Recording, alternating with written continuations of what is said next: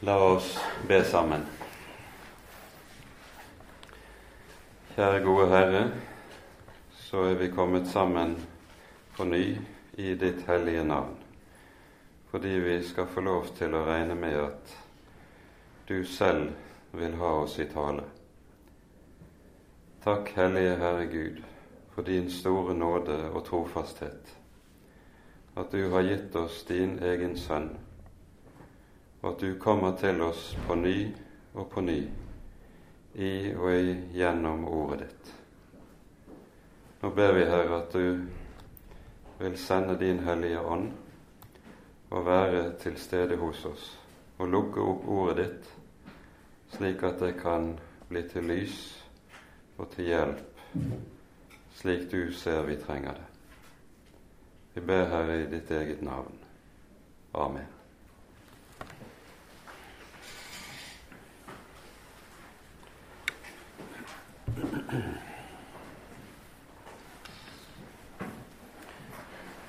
Sist gang så gikk vi gjennom Peters tale på pinsedagen, og så på hvorledes denne talen er eh, et meget sterkt uttrykk for eh, helt fundamentale sannheter som eh, den kristne kirke kommer til å hvile på og bygge på for all ettertid.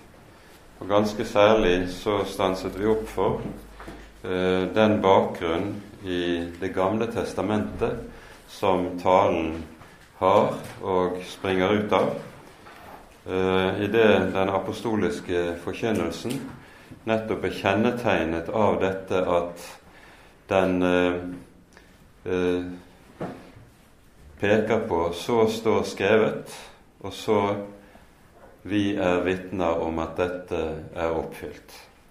Og Dette er de to pilarene som den apostoliske forkynnelsen hviler på.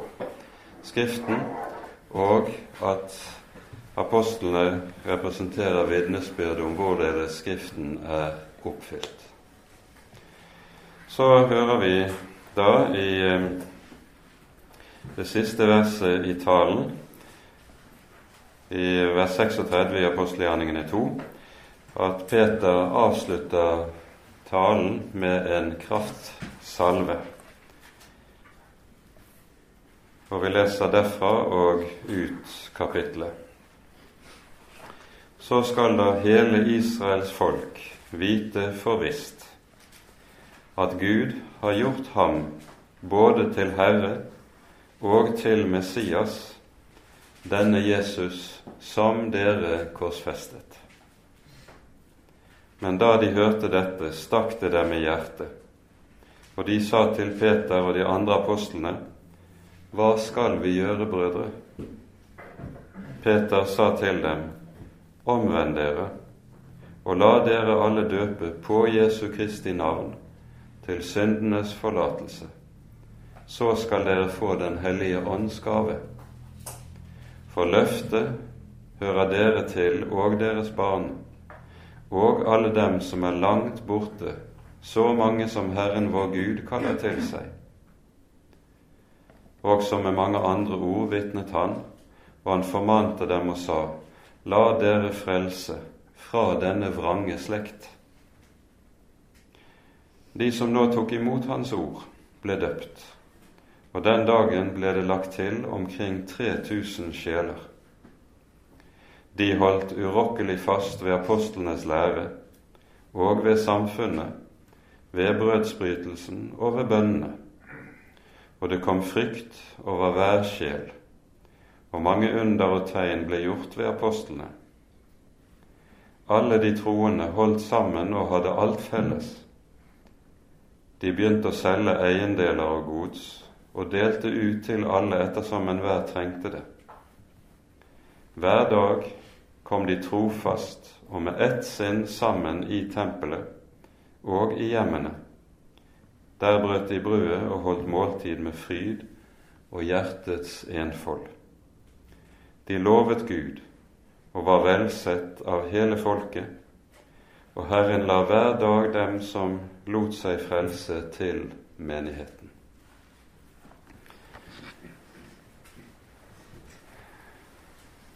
Peter avslutter talen sin med at han trekker en konklusjon av det vitnesbyrd som han har båret frem i de foregående versene. Han sier så skal da hele Israels folk ha gjort ham, Gud har gjort ham, til Herre og til Messias. Og med det så setter Peter to titler på den Herre Jesus som er helt fundamentale i den første kristne menighets tro og bekjennelse. Vi hører senere i Det nye testamentet hva som er den første urkristne bekjennelse. Jesus Kristus er Herren. Det nevnes i en rekke sammenhenger i brevlitteraturen som den eldste, den første og den grunnleggende bekjennelse. Og Det som vi da skal eh, være oppmerksom på, det er at Peter her bruker to betegnelser, to titler, som i en jødes ører er nesten sjokkerende. Når Israels folk ved sine ledere har korsfestet Jesus, så er det i en bevisst avvisning av at han er Messias. Med vitnesbyrdet om oppstandelsen fra de døde så er det apostlenes tro og forkynnelse at oppstandelsen det er Guds seil på at Jesus virkelig er den Messias som Skriftene har foruttalt om og lovet skulle komme. Så her bruker Peter altså for første gang i sin tale tittelen Messias på Herren Jesus. Israels folk har drept sin egen Messias. Det er anklagen. For det andre så kaller Peter Jesus for Herre. Og i dette ligger jo det helt fundamentale som vi har pekt på i andre sammenhenger. Det gammeltestamentlige Guds navnet, som staves med fire konsonanter JHVH, det navnet ble aldri uttalt av jødene, fordi jødene jo regnet Guds navn for å være så hellig at intet urent menneske kunne ta dette navnet på sine lepper. Derfor satte de inn annen, et annet navn, eller et annet ord, i dette navnet et sted der navnet dukker opp i bibeltekstene.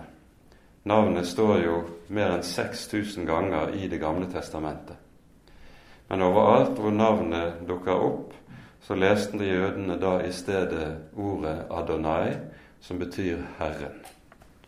Slik at i våre bibler, i våre gamle testamenter, der det står Herren, med stor H, der er det Det gamle testamentets Guds navn, JHVH, som ligger bak.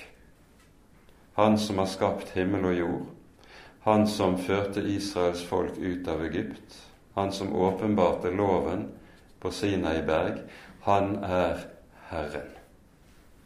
Og Nå sier altså Peter at Jesus har fått dette hellige Guds navn.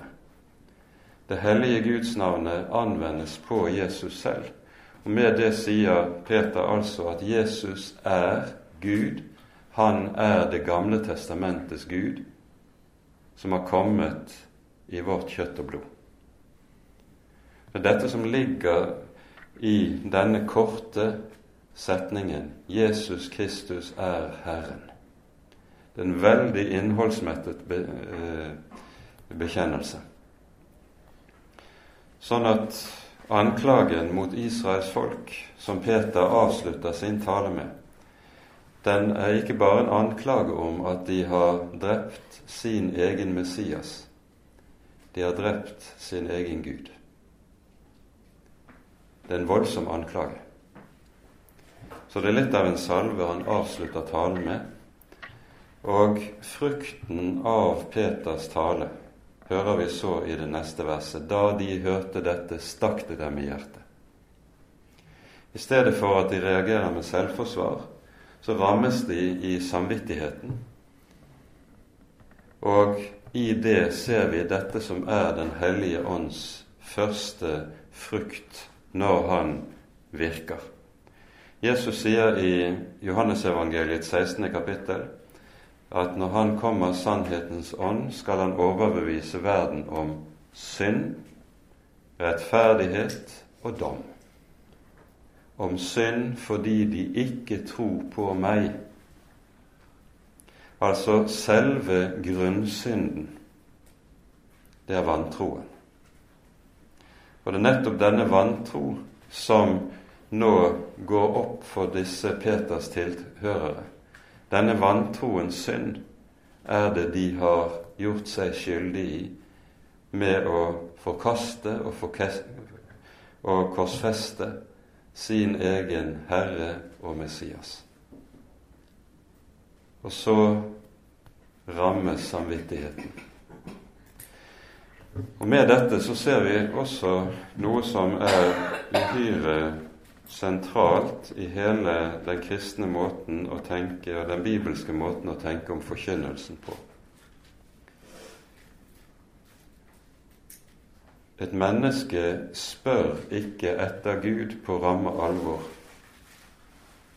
Et menneske søker ikke Gud på ramme alvor før Herren får selv komme og vekke dette spørsmålet fra et menneskes hjerte. Det er Åndens gjerning nettopp dette å komme inn til menneskenes hjerter, slik at de begynner å stille spørsmålet 'Hvordan kan jeg bli frelst?'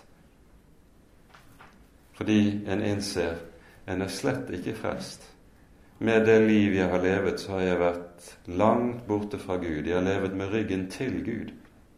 Om enn livet har sett ganske så pent og pyntelig ut, Og så vekker Ånden altså dette grunnleggende spørsmål. Hvordan kan vi bli frelst? Hva skal vi gjøre? Det er spørsmålet. Og dette spørsmålet som kommer som frukt av at samvittigheten er rammet, det er ganske typisk for det moderne mennesket. Hva skal vi gjøre? For det er sånn det naturlige mennesket tenker. Jeg må nettopp gjøre noe for å få orden i mitt forhold til Gud. De vil altså at Peter skal gi dem en oppskrift på ulike gjerninger som kan hjelpe dem til å komme i et rett forhold til Herren. Og så er det Peter svarer at løsningen ligger ikke i noe de skal gjøre. Han sier 'omvend dere' og la dere døpe på Jesu Kristi navn til syndenes forlatelse. Det ordet som brukes om omvendelse her, Det nye testamentet har, det tror jeg vi har vært inne på tidligere, har to ulike ord som begge i vårt språk oversettes med omvendelse. Det ene ordet tilsvarer det som anvendes i Det gamle testamentet, som betyr rett og slett å snu. Du snur og går motsatt vei av det du har gjort tidligere. Du snur 180 grader. Det er det som er hovedordet i Det gamle testamentet for omvendelse. I Det nye testamentet brukes det også et annet ord, og det er det andre som anvendes i, her i apostelgjerningene 2. Og Det er et ord som betyr å skifte sinn. Å skifte sinn. Det svarer, disse to uh, ulike ordene for omvendelse svarer til det vi leser i Jesaja-bokens 55. kapittel. Der sier Herren til folket den ugudelige forlater sin vei, og den urettferdige sine tanker. Å forlate sin vei, altså å snu og gå motsatt vei, det er det ene å forlate sine tanker og få et nytt sinn, det er det andre begrepet.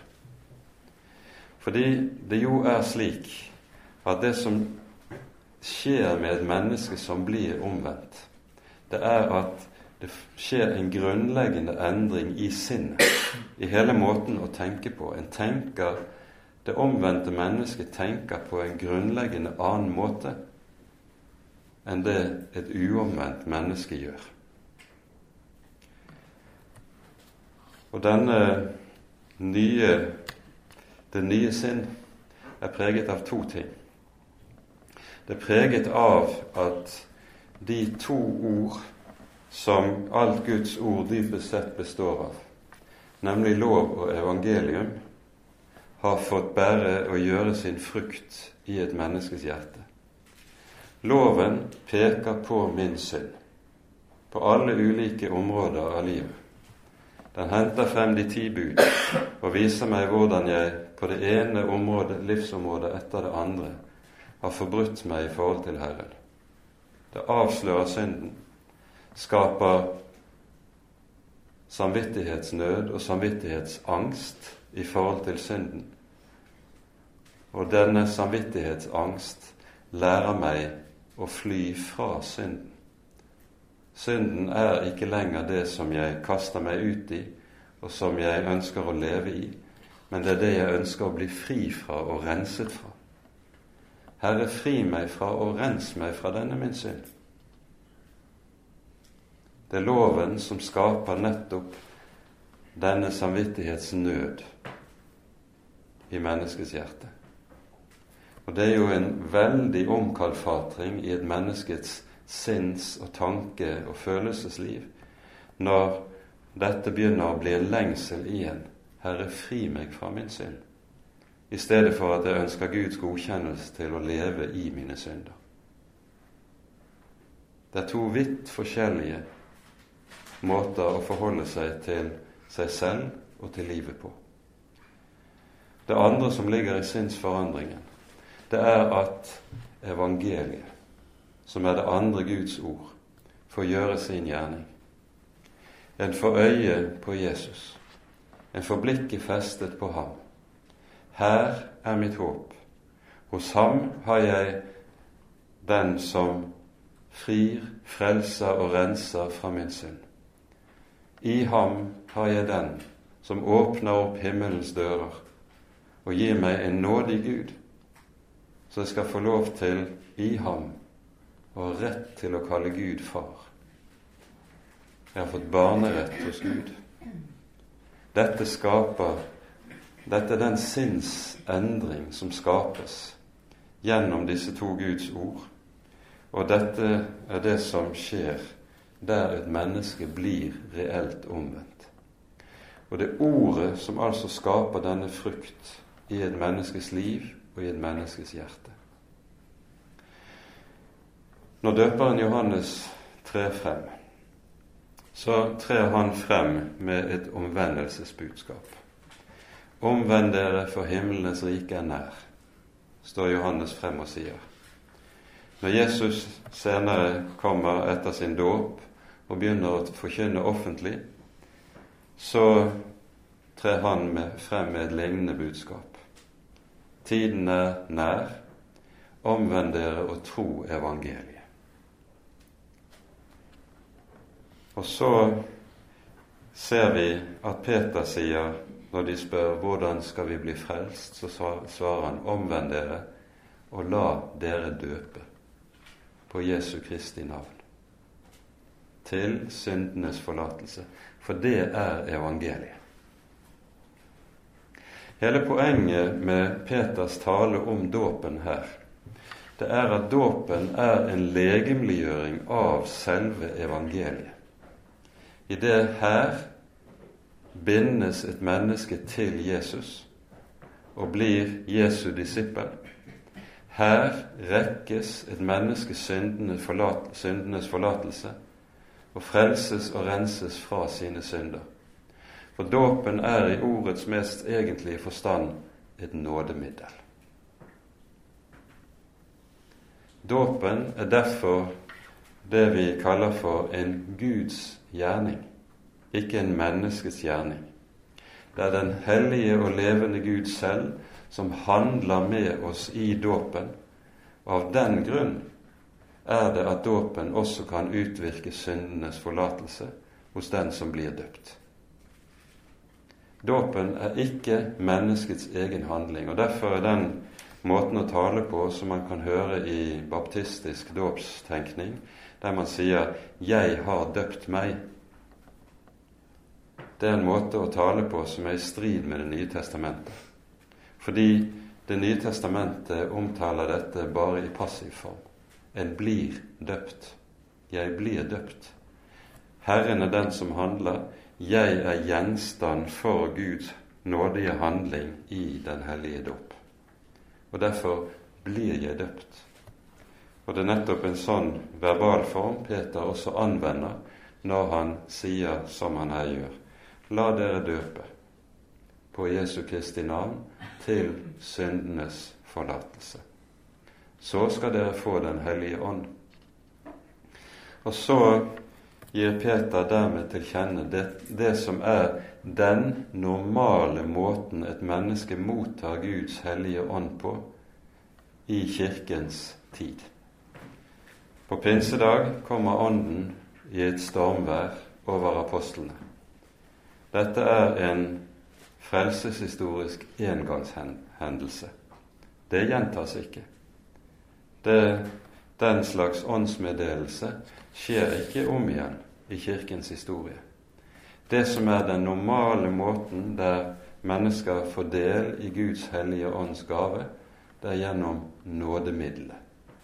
Den hellige dåp, gjennom ordet, gjennom sakramentene. Og Dette er jo noe som også er veldig tydelig eh, utsagt i vår bekjennelse i den augsburgske trosbekjennelsen. Der står det i artikkel 5 for at vi skal komme til denne tro, er det innsatt en tjeneste med å forkynne evangeliet og forvalte sakramentene. For ved ordet og sakramentene som midler gis Den hellige ånds gave. Det er formuleringen. Og Dette tar nøyaktig på kornet det som er den bibelske tenkningen om dette. Åndens gave er knyttet til nettopp slike ytre midler som Den hellige Gud selv har innsatt i vår midte. Ordets forkynnelse, sakramentenes forvaltning. De er innstiftet av Herren selv. Det er ikke et menneskepåfunn at vi har dette imellom oss. Det er Herren selv som har gitt dette som gaver, og så er dette så å si åndelige rørledninger som kanaliserer livets vann til oss, så vi kan drikke oss utørste. Og Derfor er all sann og levende kristendom den er seg bevisst dette, at den er nådemiddelkristendom. Vi er til vårt liv i Herren henvist til og hjelpeløst avhengige av på ny og på ny og samles om disse nådens midler. Evangeliet er noe jeg må høre om igjen og om igjen. Jeg blir ikke ferdig med det. Det er aldri slik at jeg kan det. Herrens nadvær likeledes. Dåpen er en engangsakt. Men Herrens nadvær er også akkurat det samme. På ny og på ny trenger vi å samles. Samles under Herrens løfte at her kommer Han til oss, fornyer sin nåde mot oss, renser oss fra våre synder, slik at vi skal få lov til å bli bevart hos Ham.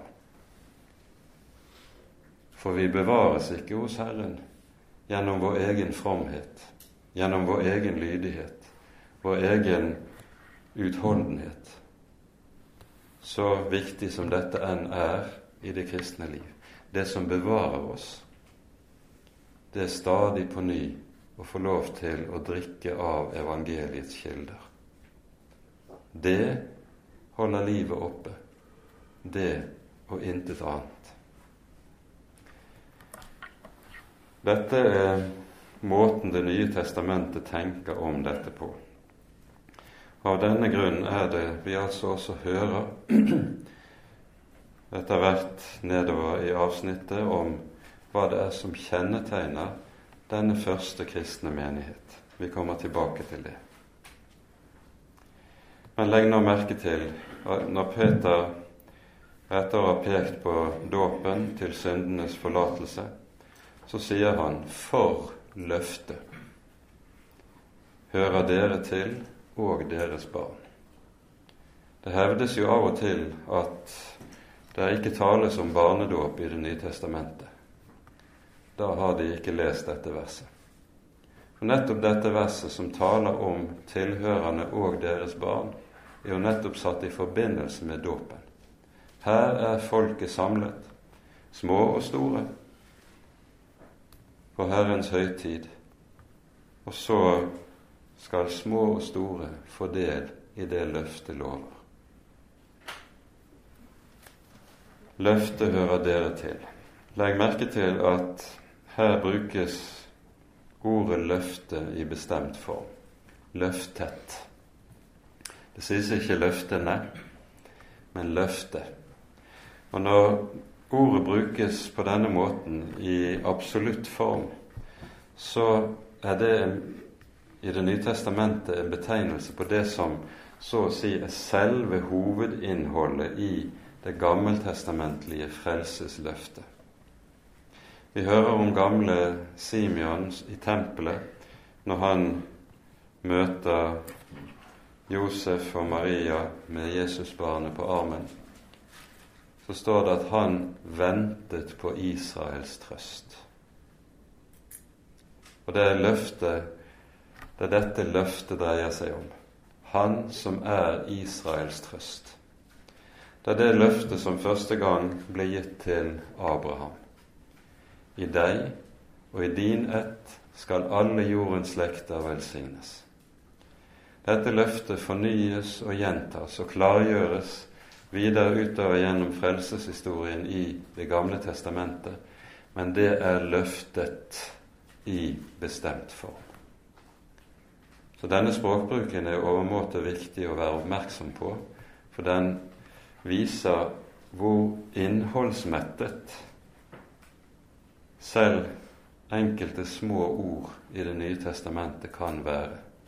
Vi må bare legge merke til hva det faktisk står og ligger i det. Løftet hører dere til, og deres barn, og alle som er langt borte. Med det tenkes det på hedningefolkene. Når Peter bruker dette uttrykket, så er det et uttrykk som dukker opp eh, flere steder hos profeten Jesaja. Og det taler om der hvorledes Herren nettopp lover å komme med sin frelse både til dem som er nær, dvs. Si til Israels folk, og til dem som er langt borte. Det er hedningefolkene. Så, og så slutter han med å si og så mange som Herren vår Gud kaller til seg. Og med det griper Peter tilbake igjen til det bibelordet som han begynner sin tale på pinsedagen med. Han begynner jo med å sitere fra Joels boks tredje kapittel, eh, der vi hører i hovedsak de fem første versene i dette kapittelet siteres. Men han slutter eh, sitt sitat med første tredjedelen av vers 5, der det står 'Hver den som påkaller Herrens navn, skal bli frelst'. Men så fortsetter dette vers 5 i Joel med å tale videre om alle dem Herren vil la sin frelse nå ut til. Og så slutter verset med å si, nettopp som Peter her sier, så mange som Herren Gud kaller til seg. Så du har liksom en slags sånn det man kaller en homiletisk ellipse i dette, der Peter begynner et punkt, og så har sin tale, og så vender han så å si tilbake til det utgangspunktet der han begynte. Dette er også en del av det som ligger i dette. Også med mange andre ord vitnet han og formante dem og sa:" La dere frelse fra denne vrange slekt. Og Her vil dere se, i en del bibler i hvert fall, så står det henvisning til 5. Mosebok 32,5 eh, under eh, bibelverset. Dette er et vers eh, som vi finner i Mose avskjedssang. Det er jo sånn at 5. Mosebok inneholder Mose avskjedstale eller undervisning av folket før folket, Israels folk, etter de 40 års ørkenvandring skal gå inn i det lovede land. De står på østsiden av Jordan. Moses har fått beskjed fra Herren at han ikke får være med inn i det lovede land.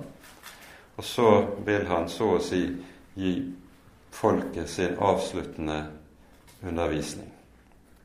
Og denne undervisningen slutter så med Moses avskjedssang, som har som sitt hovedinnhold to ting Herrens trofasthet, Herrens godhet mot sitt folk, og på motsatt side folkets troløshet, forherdelse og ugudelighet. Og i denne sangen forutsier og profeterer Moses at etter hans død så vil folket nettopp forlate Herren, gi seg hen til alle hånde avgudsdyrkelse, noe som vil føre alle slags ulykker inn over folket. Og så er det i det femte verset i denne sangen at folket kalles for en vrang slekt. Tilsvarende uttrykk dukker jo opp igjen en rekke steder i Det gamle testamentet der Guds folk kalles for et hårnakket folk. La dere frelse fra denne vrange slekt. La dere frelse fra denne hårnakkede slekt.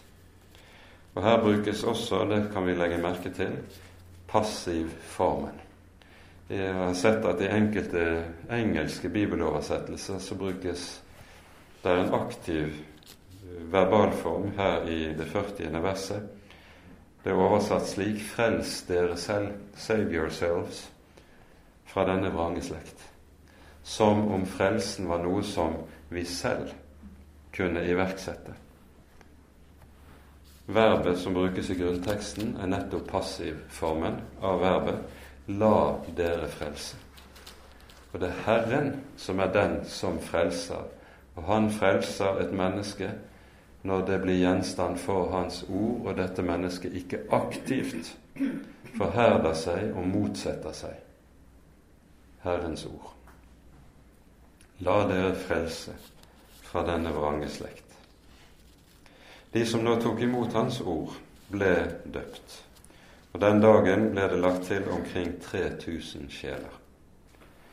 Og vi nevnte tidligere at dette slett ikke er noen praktisk umulighet å døpe 3000 mennesker i Jerusalem ved denne tidspunkt, i det der ved utgravningene i eh, nærheten av tempelområdet i Jerusalem er funnet hundrevis av slike jødiske renselsesbrad som folket måtte eh, gå igjennom eh, før de kunne gå inn i tempelet og delta i gudstjenesten og ofringene i tempelet.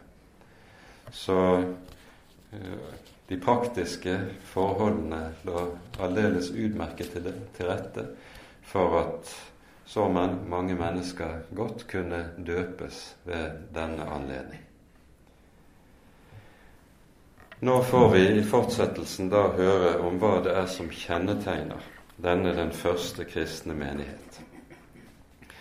Og Det første vi hører da i vers 42 i dette bibelverset, som taler om det vi kaller for de fire b-ene.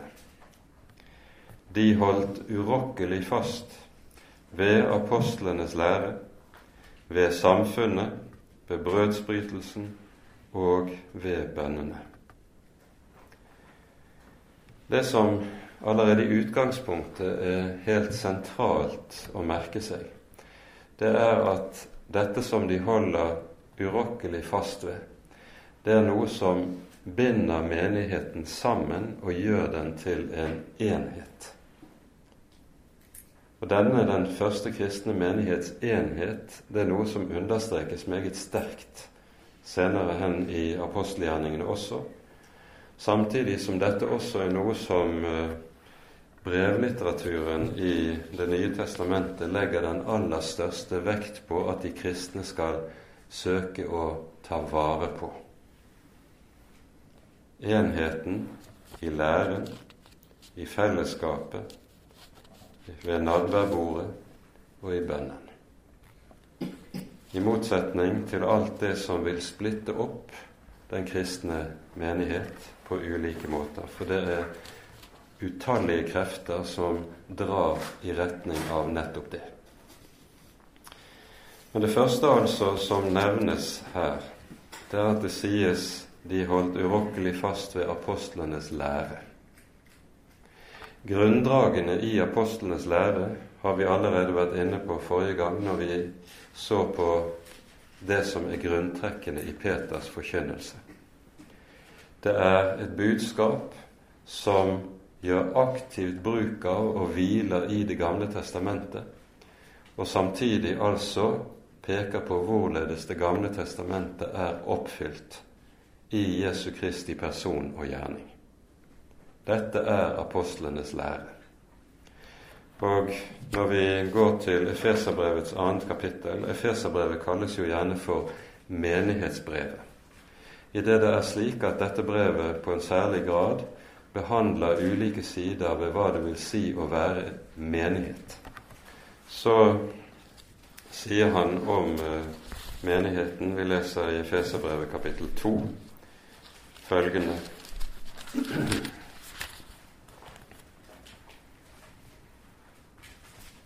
Vi leser fra vers 19.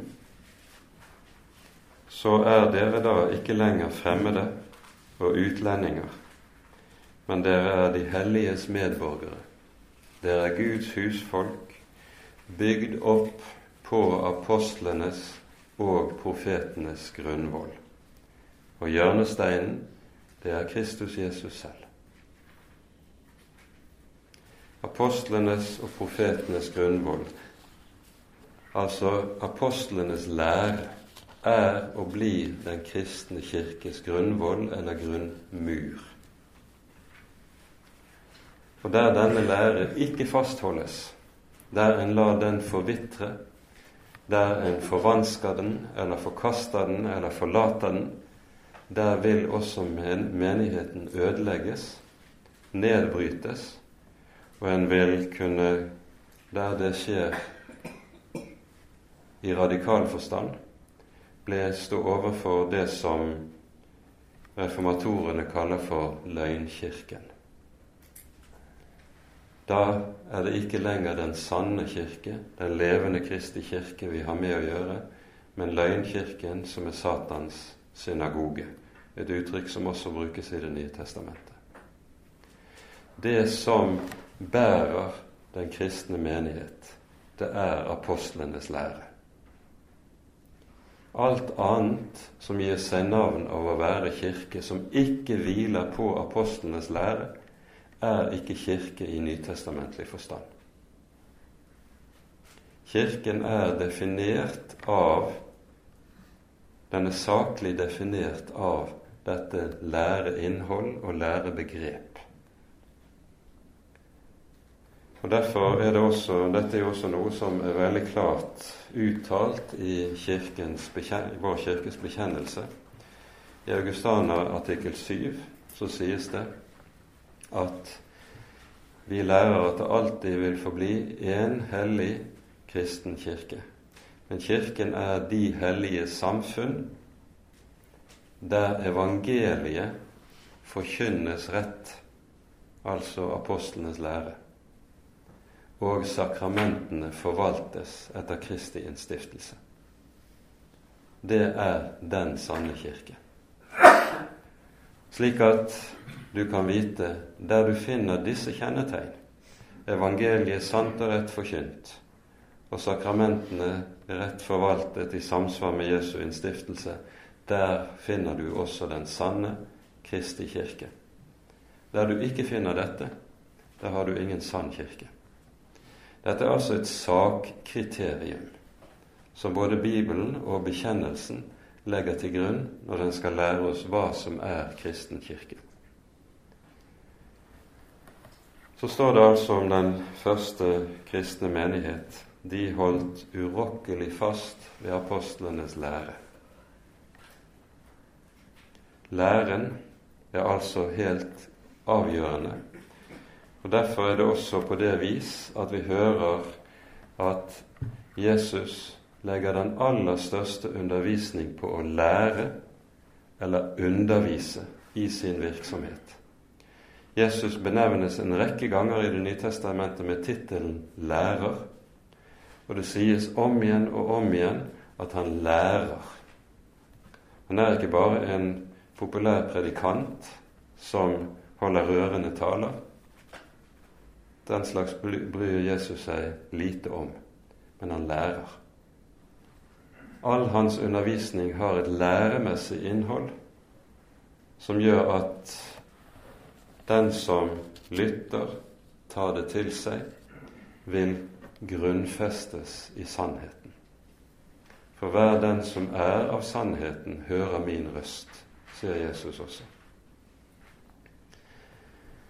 Dette innebærer også at det som har med lære og undervisning å gjøre, bør være en helt sentral side ved alt sunt menighetsliv. Et menighetsliv der det ikke legges vekt på undervisningen og læren, det vil være et menighetsliv som meget fort vil kunne bli usunt og preges av ulike typer åndelige mangelsykdommer undervisningen av den kristne menighet er avgjørende. Så fortsetter det med å si de holder urokkelig fast ved samfunnet, ved fellesskapet, ved brorskapet. Enheten som dette understreker mellom de troende, det kommer til uttrykk i et behov for å komme sammen. De troende ønsker stadig å være sammen og oppbygge hverandre, for de har denne glede i det felles tro, i den felles evangelium. Og der er også en egen hemmelighet som er gitt til dette som har med de hellige samfunn å gjøre. Vi hører at Paulus i Efeserbrevet, i det tredje kapittel, når han ber for menigheten, så sier han at han ber om at de sammen med alle de hellige må fatte hva som er lengden og høyden og bredden og dybden. Og legg merke til at det altså sies 'sammen med alle de hellige'. Det er ingen individualisme i dette. Og det er slik at det er sannheter i evangeliet og i Guds ord som har det med seg at det bare kan så å si gripes i fellesskapet når vi er sammen om Herrens ord. Når vi er sammen, da lukkes det opp. Men for den åndelige eneboer og individualist så er dette noe som er lukket. Det kristne fellesskapet har et særlig løfte ved seg, som Jesus også har understreket meget sterkt. Hvor to eller tre er samlet i mitt navn, der er jeg selv midt iblant dem. Så nevnes som det tredje punktet brødsbrytelsen. Dette er i Det nye testamentet stående uttrykk for Den hellige nattverd. Eh, og den kalles jo brødsbrytelsen fordi eh, det brød som ble anvendt i forbindelse med innstiftelsen av påskemåltidet, det ble brutt. Jesus tok et brød, takket, brøt det, ga sine disipler og sa. Og Paulus understreker en viktig side ved symbolikken i dette i eh, første Korinterbrev i det tiende kapittel. Her sies, sier han følgende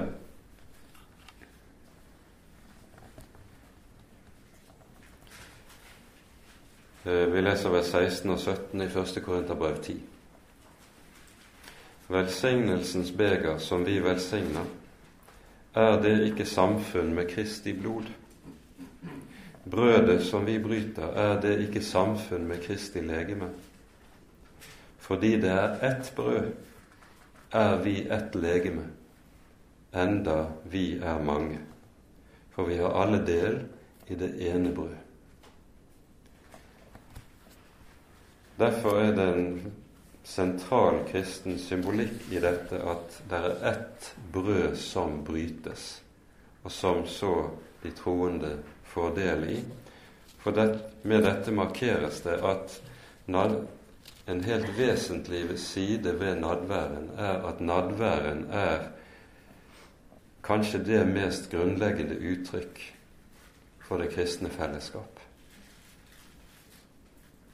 Den jeg kneler sammen med ved alterringen, den er jeg ett med. Det er dette som ligger Det er den tankegangen som ligger i dette. Og Dette er jo også noe av bakgrunnen for at uh, helt fra meget gammel tid, i, uh, helt fra uh, Oldkirkens tid, så har man lagt vind på en bestemt sak i nadværliturgien. Man har hatt fredshilsen. Eh, bakgrunnen for denne fredshilsen det er at eh, det er Jesu ord i Matteusevangeliet kapittel 5, der Jesus sier om du kommer til Herrens helligdom med ditt offer og kommer i hu at de neste har noe imot deg, gå da først og forlik deg med de neste, og kom så og bring frem ditt offer. Fredshilsen, det er nettopp et uttrykk for at man hilser hverandre i menigheten og sier 'vi er forsonet', 'vi er forlikt', 'vi er ett'. Så dette, denne er noe som vi har som et alternativ i vår liturgiske ordning i, i Delk, men den har ikke vært veldig mye bruk. Vi skulle kanskje gjøre det oftere enn vi gjør. Men man sier altså noe helt grunnleggende med dette fordi det understrekes denne enhetstanken som er så avgjørende i budskapet om Den hellige nattverd. Til sist sies det de holdt urokkelig fast ved bønnene. Og her, det har vi minnet om tidligere, men vi understreker det igjen. Når det står 'bønnene i bestemt form', så tenkes det på bestemte bønner. Det tenkes på nemlig Davids salmer, som ble anvendt som og var ryggraden i hele eh, bønnelivet innenfor jødedommen, i synagogen, i tempelet. Og vi ser også at den første kristne menighet fortsetter denne tradisjonen idet de bruker Davids salmer flittig i sitt bønneliv og i sitt gudstjenesteliv. Det er jo dette for øvrig som også er bakgrunnen for det vi kaller for liturgien i Kirken. Idet det var faste bønner som var gitt til menigheten i Guds ord, og disse faste bønnene det var de som dannet rammeverket om det som var menighetens gudstjenesteliv. Det, var, det er ikke foreskrevet noe sted i Bibelen hvordan og hvorledes dette skal settes sammen helt konkret. Der råder den kristne frihet. Men disse bønnene som er gitt i Guds ord, det var det som dannet altså både rammeverk og ryggraden i den kristne gudstjeneste, helt fra begynnelsen av. Det er mange som har den forestilling at den eldste kristne gudstjenesten det var en karismatisk, fritt møte der den ene hadde sitt, og den andre hadde sitt å by på, og så hvilte alt på den frie inspirasjon, og alt fløt, og ingenting var fast. Ingenting kan være lengre fra sannheten enn det. Det nye testamentet gir rett nok eh, uttrykk for, slik som vi hører i Korinterbrevet, at det er et punkt under menighetens gudstjeneste, der det er adgang fra menigheten å komme med et ord fra Herren, en profetisk ord, eller hva det kan være. Men dette var ett punkt i liturgien hvor det var i gudstjenesteordningen hvor det var åpning for og adgang til dette. Den eldste kristne menighet en liturg, hadde en liturgisk gudstjenesteliv. Dette er noe som svært mange ikke er klar over. Eh, og det er først på 1500-tallet, med Calvin, at det dukker opp en, flere kirkesamfunn på kirkehistoriens arena som blir liturgiløse, ja, som blir fiendtlig innstilte til liturgien. Dette stammer fra den kalvinske eller reformerte kirkefamilien, mens lutherdommen den har alltid respektert og elsket liturgien. Fordi den vet at i den liturgi, de bønner som er gitt oss, de ord som er gitt oss, og som samler oss i gudstjenesten, det er ord som er gitt oss av Herren, og som vi sammen synker inn i og stadig vokser dypere inn i. Mye kan det være å si om dette, men akkurat dette kirkehistoriske perspektivet kan det være viktig å være klar over, for her er det svært mange misforståelser ute og går i moderne kristenliv og moderne kristenhet.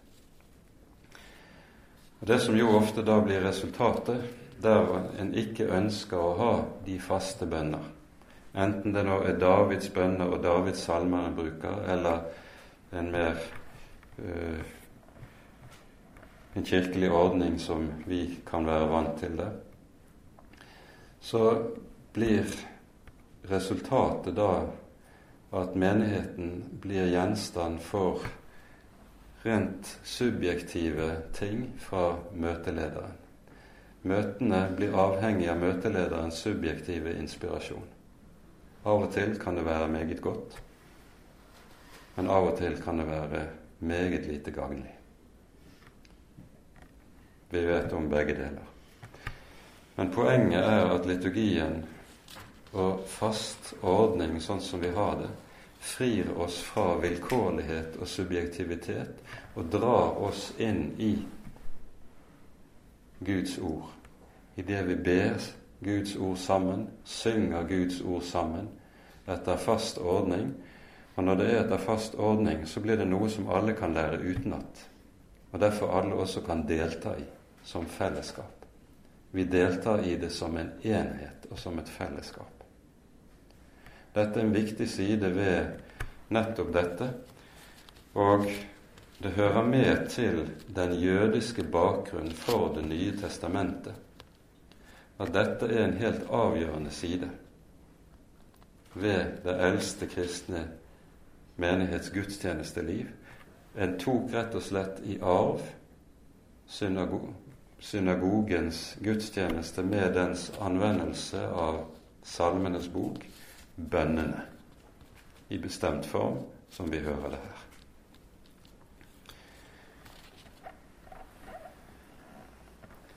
Så fortsetter det, teksten lykkes med å fortelle. Det kom frykt over hver sjel, og mange under og tegn ble gjort ved apostlene.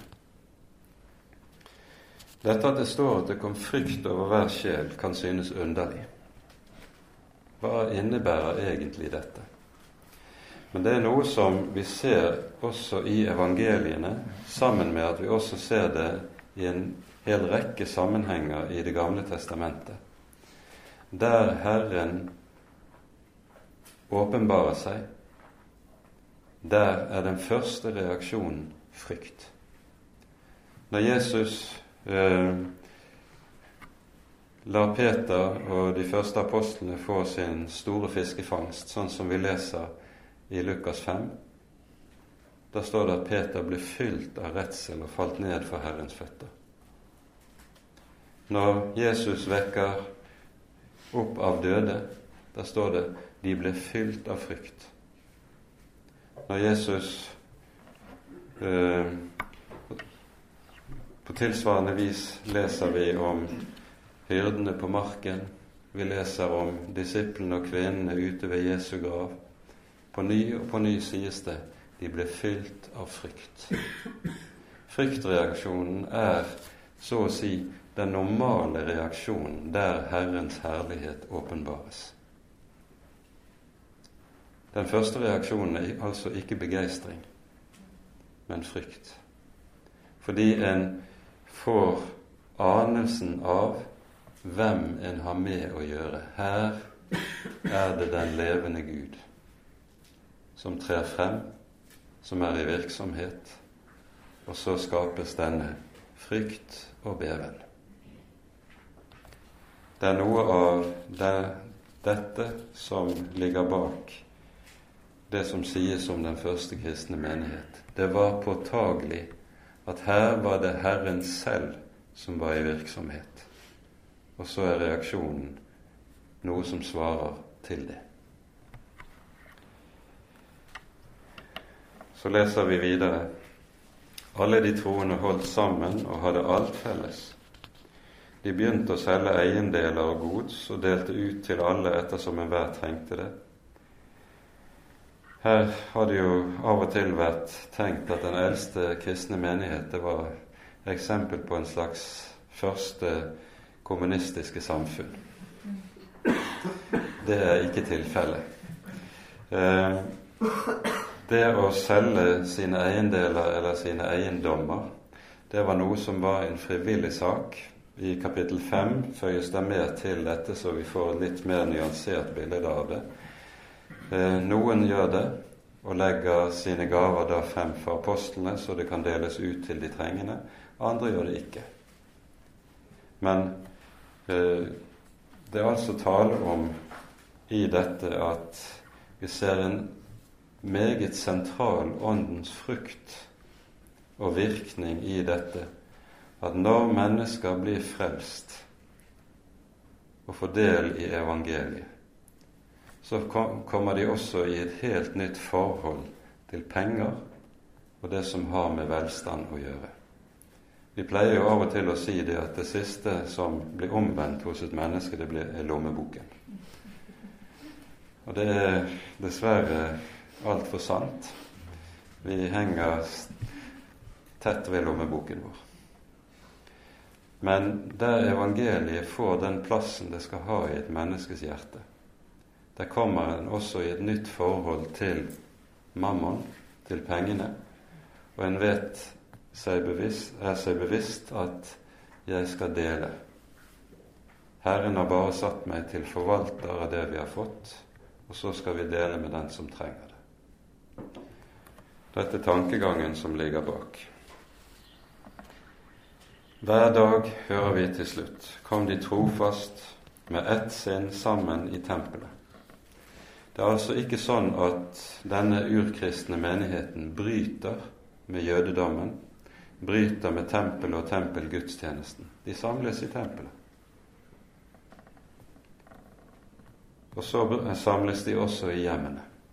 Og I dette ser vi et viktig trekk som eh, er noe som bør være kjennetegn ved alt sunt menighetsliv. I det du har både den store felles samling, der alle er samlet som menighetsfellesskap, som menighetshelhet, og så de små samlinger, som er hjemmene, der en får mulighet til å dele personlig det som vi også har behov for som kristne. Det personlige fellesskap i samtalen den fortrolige samtalen som er i hjemmene, det er også en viktig side ved fellesskapet. Og sunt kristent menighetsliv bør ha begge disse to. Bestå av en vekselvirkning av begge disse to. Så bryter de brødet, holder måltid med fryd og hjertets enfold, og de lovet Gud og var velsett av hele folket. Og Herren la hver dag dem som lot seg frelse, til menigheten. Og vi legger merke til denne siste setningen. Herren la til. Menneskers frelse det er noe som er Guds sak. Kirkevekst er noe som er Guds sak. Kirkevekst er ikke noe vi kan få til gjennom egne virkemidler og egne mer eller mindre friske påfunn. Kirkevekst er noe som Gud gjør ved de virkemidler han alltid anvender når han arbeider her i verden. Ved sitt ord først og sist er det han gjør sin gjerning. Det som ser ut til å være den store svakhet ved meget av det som i dag kalles for kirkeveksttenkning, er at en har mistet troen på det som er de verktøy som Gud anvender. En har mistet troen på ordets virkekraft. Og Derfor må en bruke andre virkemidler som en mener er mer effektive for å komme ut og for å nå til folk. Herren har ett virkemiddel. Det er sitt ord. Og rett og sant kristent arbeid hviler i troen på ordets virkekraft. Guds ord er levende og kraftig og skarpere enn noe tveegget sverd, skriver Hebreabrevets forfatter. Og I første Tessalonikerbrev hører vi Paulus skrive til menigheten i Tessalonika hvordan den ble til. Der forteller han hvorledes menigheten eh, De forkynte evangeliet i Tessaloniki, og så tok menigheten imot evangeliet, eh, som viser seg virksomt i dem som tror det uttrykket som han bruker. Ordet viser seg virksomt i dem som tror. For ved dette budskap, ved dette bestemte budskap som evangeliet er, er det Gud skaper sin menighet, bygger sin menighet, helliger sin menighet og bevarer sin menighet inntil enden. Derfor står og faller Guds rike med dette ord, at det får lyde klart og rent imellom oss. Herren lar hver dag dem som lot seg frelse, til menigheten. Vi understreker til sist at her brukes i, ikke det greske ordet for menighet i vers 47 det brukes i stedet et særegent uttrykk på gresk, epito av to, som dukker opp flere steder, ikke minst i Paulus sine brever, der det er en betegnelse for menigheten som den som er samlet på ett sted om en og samme sak. Det er det uttrykket betyr. Og så understreker med andre ord dette uttrykket i denne sammenhengen det som vi allerede har pekt på menighetens enhet. Det er Herren som samler sitt folk til ett. Dette er, eh, er jo noe som eh, lyder til oss fra den kommentaren som Johannes skriver til ypperstepresten Kaifas sin eh, sitt råd om å ta Jesus av dage, som vi leser om i Johannesevangeliets ellevte kapittel.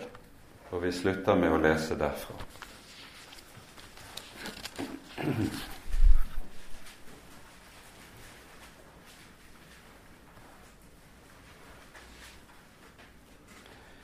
Jesus har vakt opp Lasarus, og det har ført til at til krise blant fariseerne og folkets ledere.